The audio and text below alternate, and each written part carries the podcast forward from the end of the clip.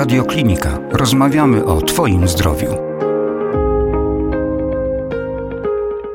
Przed mikrofonem Jakub Śliwiński, kłaniam się nisko, słuchają Państwo Radiokliniki, a naszym dzisiejszym gościem jest pani Dominika Czarnota-Szałkowska, sekretarz generalna Polskiego Towarzystwa Stwardnienia Rozsianego, choroby, o której dzisiaj porozmawiamy, jako że zbliża się kolejna odsłona akcji Symfonia Serc, która jest poświęcona temu schorzeniu, ale nie tylko o akcji. Dzisiaj na antenie Radiokliniki stwardnienie rozsiane jest nazywane chorobą tysiąca twarzy, więc tematów do rozmowy jest doprawdy bez liku. Dzień dobry Pani Dominiko. Dzień dobry Państwu. Nasze spotkanie rozpocznę właśnie od cytatu. Cytatu z artykułu Jarosława Jurkiewicza na potrzeby przewodnika katolickiego. Cytat, który pytanie, czy oddaje istotę tego schorzenia.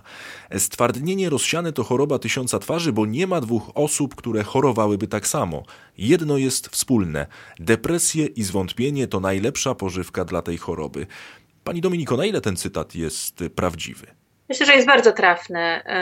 Stwardnienie rozsiane rzeczywiście przebiega w bardzo różny sposób u różnych osób. W związku z czym takie porównywanie, czasem się zdarza, że ktoś krótko po diagnozie e, pyta, jak jego choroba będzie wyglądała za 5, za 10 czy za 15 lat. I tego nie jesteśmy w stanie powiedzieć, dlatego że to, jak przebiega u jednej osoby, no nijak się ma do tego, jak będzie e, przebiegała u innej. Natomiast ten fragment dotyczący depresji no to niestety też jest y, prawda. Depresja dotyka według y, różnych badań średnio około 50% osób chorujących na stwardnienie rozsiane. No więc co drugiej osoby to, to jest duża liczba, e, a może być, że nawet większej grupy osób. Pani Dominiko, ale gdybyśmy mogli jednak y, pokusić się o to, żeby pokrótce e, scharakteryzować, czy to objawy, czy to scharakteryzować postaci stwardnienia, bo to choroba, no właśnie, która uderza w różny sposób i na, na zupełnie, zupełnie różnych polach. Tak, stwardnienie rozsiane często jest nazywane też chorobą osób młodych, e, ponieważ ten szczyt zachorowań przypada na mm, między 20 a 40 rokiem życia. Natomiast e, zdarza się również u osób młodszych i zdarza się też u osób e, starszych i częściej e, chorują kobiety. To też jest taka dosyć istotna informacja. Mniej więcej 80-85% osób zaczyna chorować od postaci rzutowo-remisyjnej. To jest taka postać, w której takie nagłe pogorszenia, wystąpienia nowych objawów albo pogorszenie istniejących czy występujących wcześniej objawów przeplatane jest przez takie okresy e, poprawy. E, dzięki temu, że od już e, kilkudziesięciu, właściwie już mam tu na myśli 20 lat, mhm. czy ponad 20 lat mamy leki, ponad 20 lat temu zostały zarejestrowane pierwsze leki, tak zwane leki przyczynowe, czyli takie, które mają wpłynąć na przebieg i modyfikować ten przebieg stwardnienia rozsianego.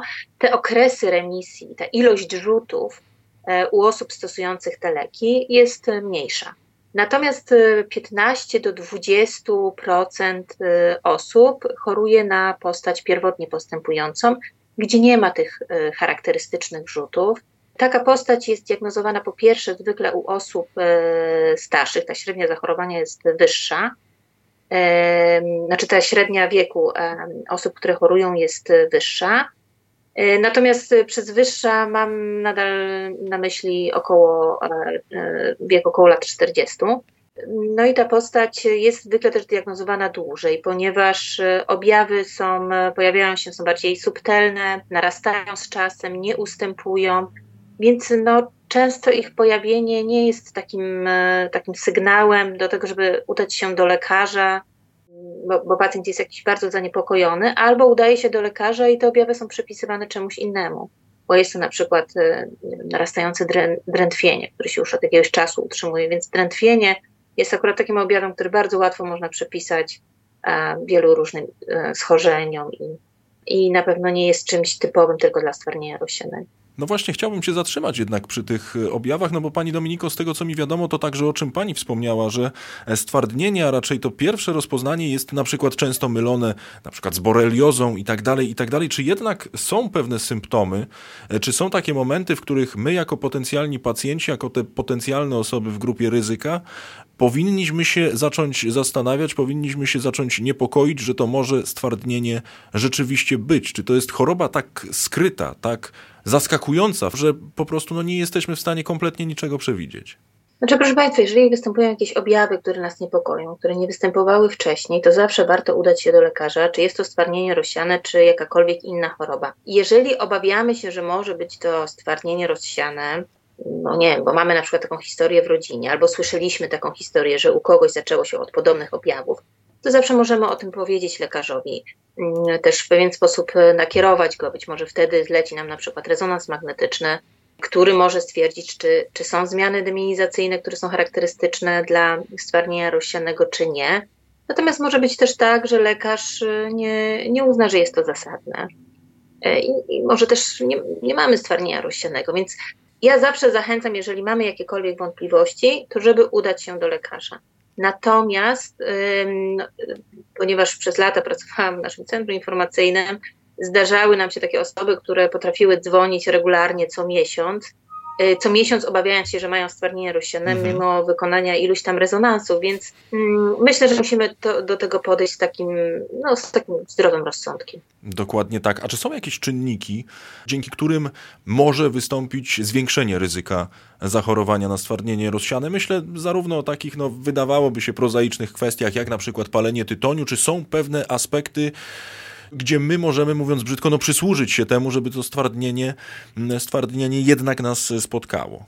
Powiedzmy tak, są pewne czynniki ryzyka, na które nie do końca możemy mieć wpływ, bo na przykład takim czynnikiem ryzyka jest szerokość geograficzna. Im dalej od równika, tym e, większe ryzyko zachorowania. No na tą, I to jeszcze w dodatku to ryzyko e, zachorowania jest dla osób, jeżeli się przeprowadzimy przed ukończeniem 15 roku życia, to to ryzyko zachorowania jest dla nas takie jak dla populacji, w której zamieszkaliśmy. Czyli jeżeli się przeprowadzimy, nie wiem, z Włoch do um, Szwecji, to to ryzyko jest automatycznie wyższe i takie jak e, w Szwecji. Natomiast jeżeli przeprowadzimy się po 15 roku życia, no to to ryzyko jest takie jak dla tej populacji, z której się przeprowadziliśmy w to nowe miejsce.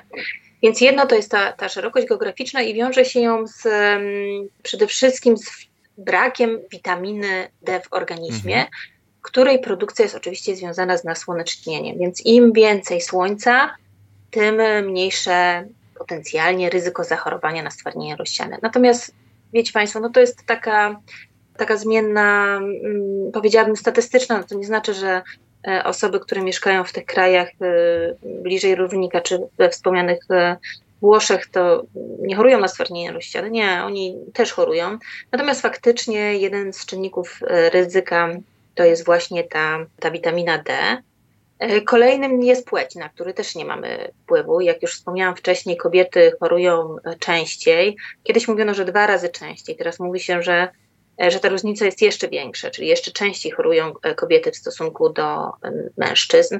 Oczywiście wskazany zawsze jest zdrowy tryb życia. Wspomniane przez Pana papierosy też często się e, pojawia taka informacja, że palenie papierosów zwiększa ryzyko zachorowania mm, na stwardnienie rozsiane. W związku z czym dobrze jest dbać o zdrowie i mam nadzieję, że wpłynie to na zmniejszenie naszej zachorowalności na różne choroby. Natomiast nie jest tak, że możemy się w jakiś e, sprawdzony sposób e, mm, uchronić przed zachorowaniem na stwardnienie rozsiane. To jest częste pytanie ze strony członków e, mhm. rodzin osób chorych, które też obawiają się, że że mogłyby zachorować, więc chcieliby wiedzieć, czy jest jakiś sposób, e, że mogą się przed tym uchronić, albo sprawdzić, czy są bardziej narażeni. Otóż nie ma jednego genu, który odpowiadałby za stwardnienie rozsiane, więc nie mogą tego sprawdzić. I tak jak wspomniałam, no, dbanie o zdrowy tryb życia, nie unikanie słońca, e, no to są takie zmienne, na które powiedzmy, że możemy w pewien sposób wpłynąć. Dobrze Pani Dominiko, że Pani wspomniała o tych obawach ze strony członków rodziny osób, które stwardnienie rozsiane mają, no bo podejrzewam, że wokół tej choroby, a właściwie nie podejrzewam, a jestem tego pewien, że narosło wiele mitów, narosło wiele e, nieprawdziwych informacji, które brzydko mówiąc się przewijają. Jedną z nich jest na przykład e, brak możliwości kontynuowania pracy, z drugiej również często pojawia się taka informacja, że jeśli ktoś ma stwardnienie rozsiane, no to raczej musi się zastanowić także nad ewentualnym posiadaniem dzieci. Pani podejrzewam, że jako sekretarz generalna Polskiego Towarzystwa Stwardnienia Rozsianego bardzo często również musi z tymi mitami walczyć, bardzo często trzeba te pewne rzeczy tłumaczyć. No i pytanie, jakie rzeczy trzeba tłumaczyć, jakie rzeczy należy obalać i należy o nich stale powtarzać. Jak już wspomniałam, stwardnienie rozsiane nie jest chorobą dziedziczną. Jest y, pewne większe ryzyko zachorowania mm, na stwardnienie rozsiane członków rodziny osoby chorującej, ale mówi się, że wiąże się to przede wszystkim z taką większą podatnością na choroby autoimmunologiczne. Czyli e, może być tak, że ktoś, kto ma w rodzinie osobę chorą na stwardnienie rozsiane, sam również zachoruje na stwardnienie rozsiane, ale może być też tak, że zachoruje na inną, inną chorobę autoimmunologiczną. No i wiąże się to prawdopodobnie z takim um, błędną reakcją tego układu odpornościowego. E, jak wiemy, stwardnienie rozsiane nie jest jedyną chorobą autoimmunologiczną, jest ich jest ich więcej, e, nawet jest pewna tendencja do, do narastania tej, e, tej liczby zachorowań na choroby autoimmunologiczne. Mm, także rzeczywiście nie jest to choroba mm, o podłożu genetycznym, natomiast e, dzieci osób chorujących na stwardnienie rozsiane to ryzyko zachorowania to jest dosłownie kilka procent, ale jest ono większe niż w mm, ogóle populacji. Natomiast na pewno nie powinno być to taką przesłanką do rezygnacji e, z posiadania dzieci, jeżeli jest to dla kogoś ważne i chciałby dzieci posiadać. Ponieważ no, nie możemy zapominać, że tych chorób, na które cierpi ludzkość, jest naprawdę bardzo dużo. I na jakieś schorzenia e, ze względu na, na, na naszych przodków, na nasze geny, i tak jesteśmy narażeni. E, więc tu, no oczywiście to jest indywidualna decyzja, ale no my podkreślamy, że to ryzyko e, zachorowania dziecka jest, e, no jest kilkuprocentowe. Natomiast jakby sama ciąża, bo jak wspomniałam, choroba dotyczy kobiet i to w dodatku chorują przede wszystkim osoby młode, czyli młode kobiety, które często nie zdążyły jeszcze za, założyć rodziny, mieć dzieci lub e, pierwsze objawy pojawiły się na przykład po urodzeniu pierwszego dziecka, zastanawiają się nad posiadaniem drugiego dziecka. Ciąża nie ma wpływu na całościowy przebieg choroby, a nawet są takie doniesienia, że posiadanie minimum jednego, niektórzy mówią dwojga dzieci, ma pozytywny wpływ na przebieg choroby. Stwardnienie rozsiane nie ma też e, wpływu na przebieg ciąży. Może być tak, że występują jakieś objawy, które nam po prostu no, będą uprzykrzać ten e, okres ciąży. Na przykład, jeżeli ktoś ma taką dolegliwość ze strony e, pęcherza i cierpi na nie, e, nietrzymanie moczu, czy ma tutaj problemy w tym kierunku, no to jak pewnie powszechnie wiadomo, no to są takie objawy, które się w ciąży po prostu nasilają, bo, bo sama ciąża no wiąże się z tym, że, że częściej trzeba korzystać z toalety. E, natomiast, e, tak jak powiedziałam, nie jest to choroba genetyczna i e, ciąża nie tylko nie wpływa na chorobę, ale też w drugą stronę choroba nie wpływa na przebieg ciąży. To jest niezwykle pozytywna, pozytywna informacja, ale pani Dominiko, właśnie a ten przykład, prawda, posiadania dzieci ewentualnego, to rzecz jasna jest tylko ten jeden z mitów, które, które funkcjonują. Ja spodziewam się, że do państwa także e, trafia szereg osób, które muszą walczyć również z tymi innymi przekonaniami związanymi ze stwardnieniem rozsianym. Zastanawiam się, jakie są te najbardziej powszechne mity, e, które należy przede wszystkim obalić, jeśli mowa o stwardnieniu rozsianym. E, jednym z takich mitów jest to, że stwardnienie rozsiane jest chorobą śmiertelną nie jest chorobą śmiertelną, jest chorobą przewlekłą, która rzeczywiście długość życia osób chorych jest o kilka lat krótsza niż długość życia w populacji, natomiast wiąże się to z, z takimi powikłaniami na skutek choroby i proszę pamiętać, że też odnosimy to, tą długość życia do populacji osób, które zachorowały jeszcze przed wynalezieniem rezonansu magnetycznego, czyli tego podstawowego narzędzia diagnostycznego oraz przed wynalezieniem e, jakichkolwiek leków na stwardnienie rozsiane, jeszcze w latach 80. nie było po prostu takich. Już zaczynały być, e, były pierwsze próby nad stosowaniem substancji, które, z których e, faktycznie niektóre są e, dzisiaj stosowane. Natomiast de facto żadnego leku stricte na stwardnienie rozsiane nie było zarejestrowanego. Więc ten przebieg stwardnienia rozsianego u osób, które były diagnozowane kilkadziesiąt lat temu, jest skrajnie różny niż u osób, które są diagnozowane teraz. I to też jest pozytywna wiadomość, bo rzeczywiście medycyna idzie naprzód i mamy coraz więcej do zaoferowania, a leki, które są dostępne, no, mają bezpośredni wpływ na nie tylko długość życia, ale też jakość życia osób chorych. E, dokładnie tak. Oczywiście zastanawiam się też nad tym, ale to pani już e, wyjaśniła, że kiedy człowiek usłyszał te kilkanaście, kilkadziesiąt lat temu e, tę diagnozę, no to rzeczywiście mogła ona się wiązać z wyrokiem, a pomimo tego, co się dzieje, i za chwilę sobie przejdziemy także do problemów pacjentów w zakresie stwardnienia rozsianego, jeśli mowa o naszym, naszym kraju, ten postęp, jeżeli chodzi o leczenie, jeżeli chodzi o terapię, myślę tutaj globalnie, został wykonany wprost kolosalny. Ale pani Dominiko, no właśnie, przejdźmy do tych najbardziej pilnych potrzeb, jeżeli chodzi o pacjentów w Polsce, jeżeli chodzi o stwardnienie rozsiane. Z czym jest największy problem? To są formy leczenia, to są formy terapii, to są wreszcie ceny leków, ewentualna refundacja. Jak to wygląda e, z pani strony? No bo tutaj ponownie odwołam się do funkcji, jaką, panią piastu, e, jaką pani piastuje. Na pewno tych próśb, tych zapytań jest bardzo, ale to bardzo dużo. Potrzeby z jakimi e, zmagają się osoby chorujące na stwardnienie rozsiane, zależą w dużej mierze od wieku tych osób, e, od ich sytuacji życiowej i od e, tego, na ile zaawansowana jest u nich choroba. Dlatego, że jak pewnie zdają sobie Państwo sprawę, osoba, która ma lat 60 czy 70, ma inne problemy i potrzeby niż osoba, która ma lat 20.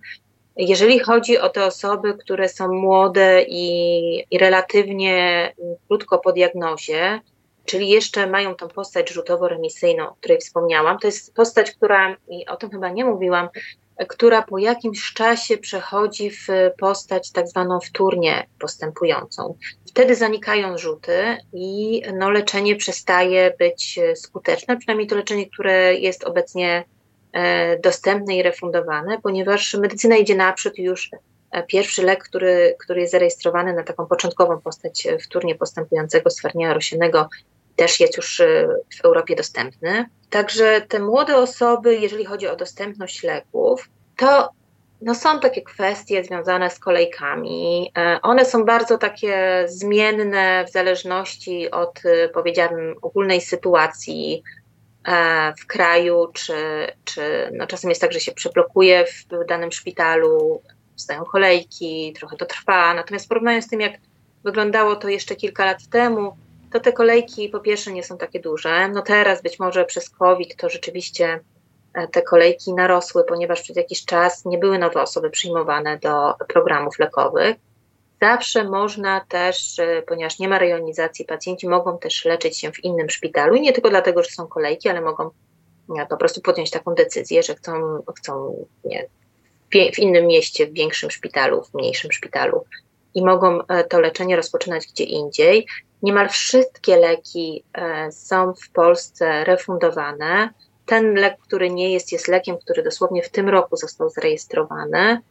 E, także pod tym względem zmieniło się bardzo dużo. Jak gdzieś ostatnio widziałam taki, takie kalendarium, e, jak zmieniał się dostęp do leczenia e, w Polsce i jak na początku był tylko 1% populacji leczony, populacji osób chorych. Mhm. Dzisiaj to jest w Polsce około 35%. Natomiast to też nie jest tak, że my jakby możemy leczyć 100%, więc to nie jest jakiś nasz cel ponieważ ogranicza nas e, postęp medycyny. Natomiast 35% to wciąż jest mało. Powinno być więcej osób leczonych. To też na pewno jest problem. Są takie osoby, w Polsce nie, nie leczymy według e, charakterystyki produktu leczniczego. Owszem, on też ma znaczenie. Natomiast tym kryterium kwalifikacji do leczenia są kryteria e, programów lekowych. To jest program pierwszej i drugiej linii i teraz no, są takie osoby, które nie spełniają kryterium na przykład przejścia z pierwszej do drugiej linii, mimo że lekarz uważa, e, że powinni być już leczeni skuteczniejszymi lekami. E, no to ponieważ nie spełniają tych kryteriów, te kryteria są dosyć restrykcyjne, to nadal są leczeni, jak to mówimy, suboptymalnie, czyli e, no nie do końca optymalnie. Jest bardzo dużo takich paradoksów, no, którym też, z którymi walczymy, które staramy się zmienić, na przykład Coś, co mam nadzieję, że niebawem się zmieni. Jedyny lek, który ma rejestrację w grupie pediatrycznej, czyli dla dzieci od 10 roku życia, w Polsce dla dzieci nie jest refundowany. Natomiast szereg innych leków poza wskazaniami, wskazaniami rejestracyjnymi jest refundowana, więc no to jest dla mnie taki poziom absurdu. Ja nie mogę tego zrozumieć. Więc mam nadzieję, że, że niedługo rzeczywiście będzie refundowany. To nie jest duża grupa, ponieważ to jest lek z tak zwanej drugiej linii. To nie jest duża grupa dzieci, która e, tym lekiem powinna być leczona. Natomiast czy jest to jedno dziecko, czy to jest e, setka dzieci, no to jest to tragedia czy problem tego jednego dziecka i jego rodziców. Więc mam nadzieję, że, że z tym też uda nam się uporać. No są to takie drobne często rzeczy. Bardzo długo na przykład staraliśmy się, udało się e, uzyskać taką zmianę, żeby kobiety, bo wspominaliśmy o macierzyństwie, żeby kobiety, które przerwały terapię ze względu na ciążę, mogły do tej terapii wrócić bez konieczności czekania w kolejce, tak z automatu, ponieważ jednym z kryteriów e, kwalifikacji do tego programu jest długość choroby. Jeżeli ktoś przerwie, ponieważ chce urodzić dziecko, E, co też nie, nie, nie jest wymagane w wypadku wszystkich leków, e, ale jeżeli ktoś przerwie, kobieta chciałaby powrócić do terapii, no to żeby nie musiała czekać, żeby nikt tam nie liczył jej tych punktów i że ona już choruje powyżej 10 lat i dostanie mniejszą liczbę punktów, albo musi czekać na rzut, bo jest on wymagany w tych kryteriach, żeby po prostu od razu była włączona do terapii. Inną taką e, sprawą, która też może nie dotyczy e, bardzo wielu osób, natomiast e, no, myślę, że, że jednak całkiem sporej grupy, jest możliwość kontynuowania terapii w ramach drugiej linii dla osób, które powracają z zagranicy. Jeżeli są leczone za granicą lekami z tzw. Tak pierwszej linii, mogą bez problemu kontynuować w Polsce. Ale jeżeli są lekami drugiej linii, to już nie. Więc jak widzi Pan, globalnie jest coraz lepiej. Natomiast no, są takie, takie e, różne drobne zapisy, które zdecydowanie wymagają poprawy, ponieważ uniemożliwiają albo utrudniają, albo opóźniają e, leczenie pewnej grupie chorych. Pani Dominiko, ja się tak zastanawiam, jak to wygląda w obecnej sytuacji, jak wygląda to w dobie koronawirusa, bo podejrzewam, że także i Państwa towarzystwo w tym momencie przeżywa e, prawdziwe oblężenie w związku z niepokojami pacjentów na różnym, na różnym poziomie. I tak też się zastanawiam, czy na przykład w tym momencie osoba, pacjent, u którego stwierdzono e, stwardnienie rozsiane, czy tą pierwszą po prostu częścią, może nie tyle terapii, ale po prostu naprawy swojego zdrowia, dajmy na to, weźmy to w gruby, w gruby cudzysłów, jest po prostu zgłoszenie się do Państwa, ponieważ Państwo dysponujecie taką wiedzą i takim stopniem wtajemniczenia, że możecie e, sytuację uspokoić i pokierować ewentualnie pacjenta, co ma robić, co ma robić dalej. Może zacznijmy od tego koronawirusa, od tej sytuacji obecnej pacjentów.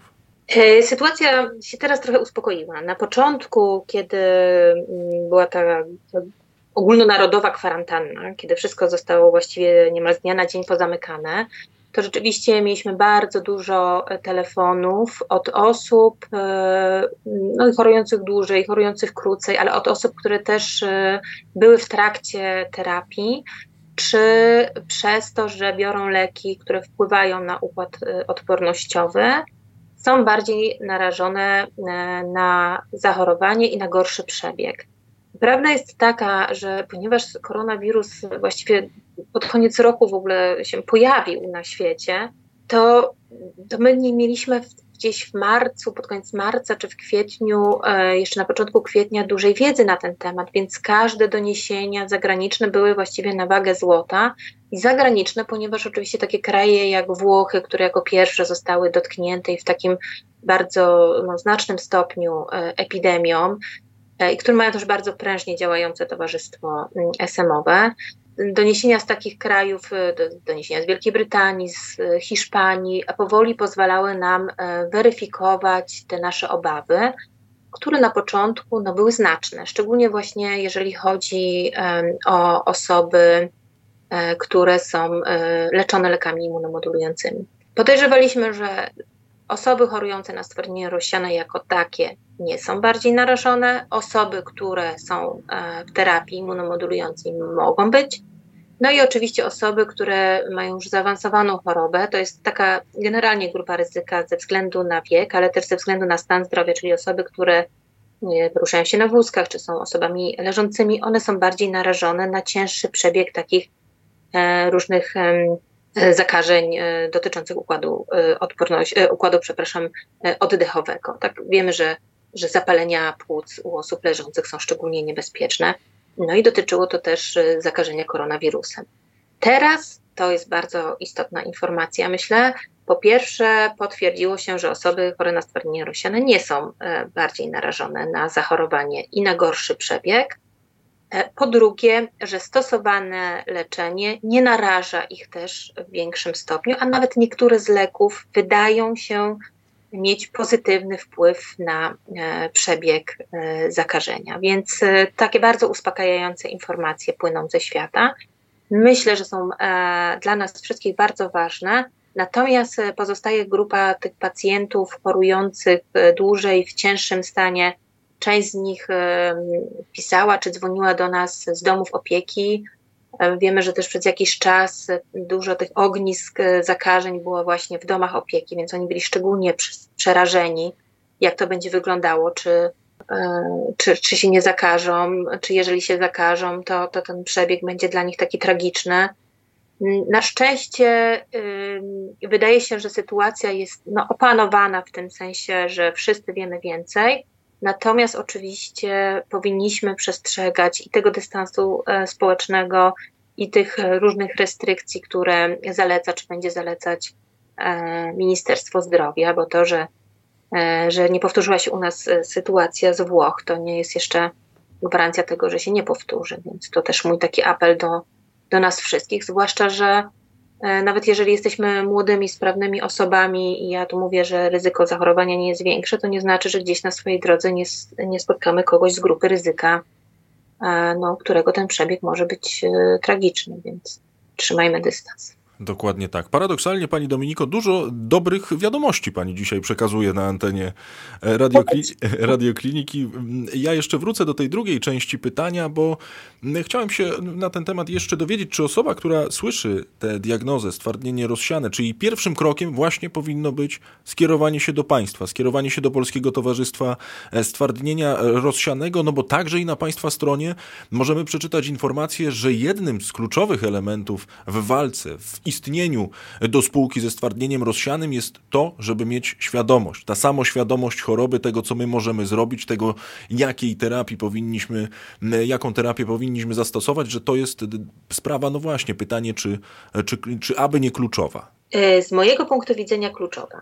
Uważam, że mm, często, często spotkam się z takim pytaniem, jak wspierać osoby krótko po diagnozie. E, I uważam, że z jednej strony ważne jest to wsparcie emocjonalne, które może zapewnić rodzina, bliscy, e, specjalista. My mamy poradnię psychologiczną, zachęcam, e, ona jest bezpłatna, telefoniczna, co się okazało. Znaczy, można się też spotkać bezpośrednio, natomiast to, że ona właściwie zawsze miała też taki charakter telefonicznej poradni, bardzo się nam przydało w dobie koronawirusa. Więc można się do nas zwracać po takie profesjonalne wsparcie, ale ważne jest też takie wsparcie informacyjne, które zapewniamy. Mamy centrum informacyjne, do którego można się zwrócić. Jedni wolą zadzwonić, inni wolą napisać maila. E, zachęcam do obu form kontaktu, chociaż z mojego doświadczenia lepiej jest zadzwonić. E, chociażby dlatego, że mm, no, w trakcie takiej rozmowy rzeczywiście można sobie wszystko wyjaśnić, ponieważ to, to dla wielu osób y, moment, w którym słyszą diagnozę stwardnienia rozsianego, jest tak naprawdę momentem, w którym pierwszy raz się z tą chorobą y, bliżej spotykają. I wiele pojęć, które się pojawiają, tych postaci choroby, co to jest rzut, a jakie leczenia, a program lekowy, czyli leki nie są wydawane w aptece na przykład, co jest dla wielu osób zaskoczeniem. E, w każdym razie nie w, nie w takiej zwykłej aptece, ale w aptece szpitalnej.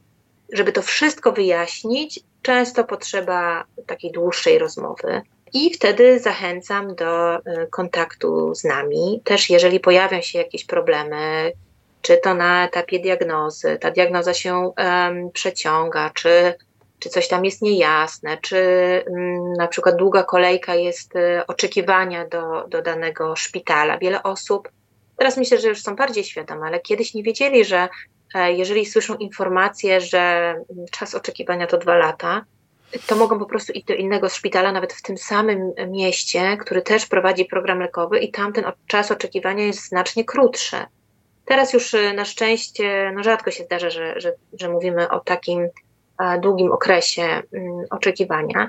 Natomiast rzeczywiście, jeżeli gdzieś, gdzieś jest problem z dostępnością, można spróbować gdzie indziej i, i takich informacji też można, takie informacje też można uzyskać u nas w centrum informacyjnym.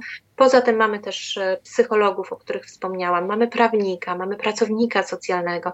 To jest często bardzo ważna E, taka możliwość konsultacji z tym pracownikiem socjalnym dla osób, które już chorują dłużej. My zazwyczaj e, nie poruszamy tematu rent, a szczególnie z osobami, które są krótko po diagnozie, ponieważ bardzo nam zależy, mówiliśmy wcześniej o mitach, e, o, na tym, żeby osoby jak najdłużej zostawały na tym rynku pracy. I to też taki jeden z mitów, że chorując na stwardnienie rozsiane nie można kontynuować pracy czy, czy kariery zawodowej. Oczywiście dużo zależy od stanu zdrowia, natomiast e, w momencie diagnozy ja często podkreślam, żeby nie porzucać swoich planów i ambicji, bo bardzo jest e, prawdopodobne, że będziemy mogli te plany i ambicje zrealizować. I czasem być może będą wymagały drobnej modyfikacji, a może wcale nie będą wymagały e, modyfikacji. Więc ten moment y, diagnozy, czy krótko po diagnozie, czy moment takiego pogorszenia, czy jakiegoś zwątpienia, czy ktoś, wspominaliśmy o tych osobach wracających z zagranicy, ktoś wrócił z wiem, Wielkiej Brytanii do Polski i nie umie się do końca odnaleźć w tym naszym systemie opieki zdrowotnej. To są na pewno takie sytuacje, w których zachęcamy do kontaktu. Czy osoby, o których ja mam wrażenie, że, że mm, może nie, niedostatecznie dużo mówimy, ale właśnie te osoby, które chorują dłużej, które mają innego rodzaju problemy, E, nie kwalifikują się często do tego leczenia, co nie wiąże się absolutnie z ich wiekiem. E, kiedyś było takie kryterium wieku, już od e, kilku lat na szczęście go nie ma.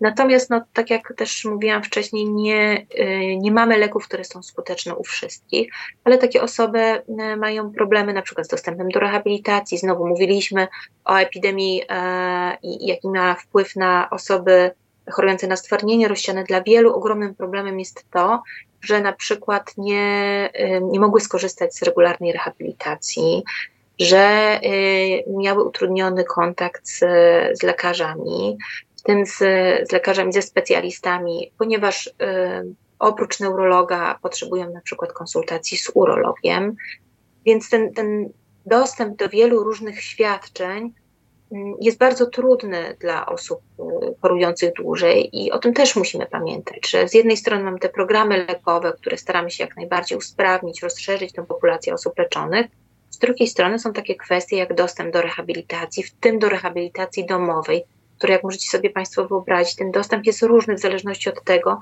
gdzie kto mieszka.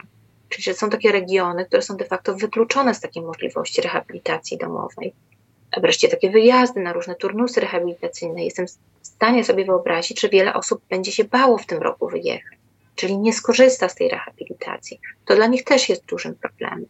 Staramy się y, oczywiście y, zdalnie jak najwięcej tego wsparcia zapewnić, natomiast no, nie jesteśmy w stanie też y, zapewnić wszystkiego, jak chociażby w wypadku tych wyjazdów na, na turnusy rehabilitacyjne.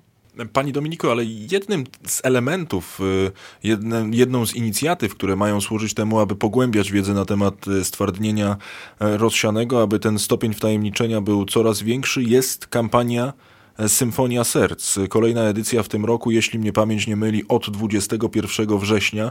Gdybyśmy mogli pokrótce nakreślić, czym jest ta akcja, czym jest ta e, kampania, no i przede wszystkim jak ona będzie wyglądała w tym roku, no bo rok mamy przedziwny, sytuacja jest przedziwna, więc podejrzewam, że będzie to także i nietypowa odsłona Państwa akcji. Tak, to prawda. E, pierwszy raz w historii e, nie będzie żadnych takich wydarzeń plenerowych. Do tej pory staraliśmy się z tą kampanią społeczną wyjść do ogółu społeczeństwa, ponieważ e, w zamyśle ta kampania jest kampanią kierowaną do osób chorych też, do ich bliskich, ale przede wszystkim do ogółu społeczeństwa, żeby powiedzieć trochę o tym, czym jest twardnienie rozsiane, z jakimi problemami wiążą się, e, wiąże się mm, e, choroba, i jak możemy wspierać i, i być bardziej też wrażliwi na potrzeby osób chorujących na stwardnienie rozsiane, chociażby będąc szefem kogoś, kto choruje na stwardnienie rozsiane. Natomiast w tym roku oczywiście niestety nie będzie żadnych wydarzeń plenerowych. Zaplanowaliśmy kampanię w mediach, w tym przede wszystkim w mediach społecznościowych. Trochę już to przećwiczyliśmy na Światowym Dniu SM, który też musiał mieć taki charakter zdalny. I w tym roku taką też formę będzie miała symfonia. Przewidujemy dużo takich działań informacyjnych czy edukacyjnych. Mam nadzieję, że w takiej przyjemnej formie. Mm, takim hasłem tegorocznych obchodów jest e, więzi, kontakty, relacje. To w nawiązaniu też do wspomnianego e, Światowego Dnia SM. E, będziemy trochę mówić o tym, czym jest stwardnienie rozsiane, jak możemy wspierać osoby chorujące.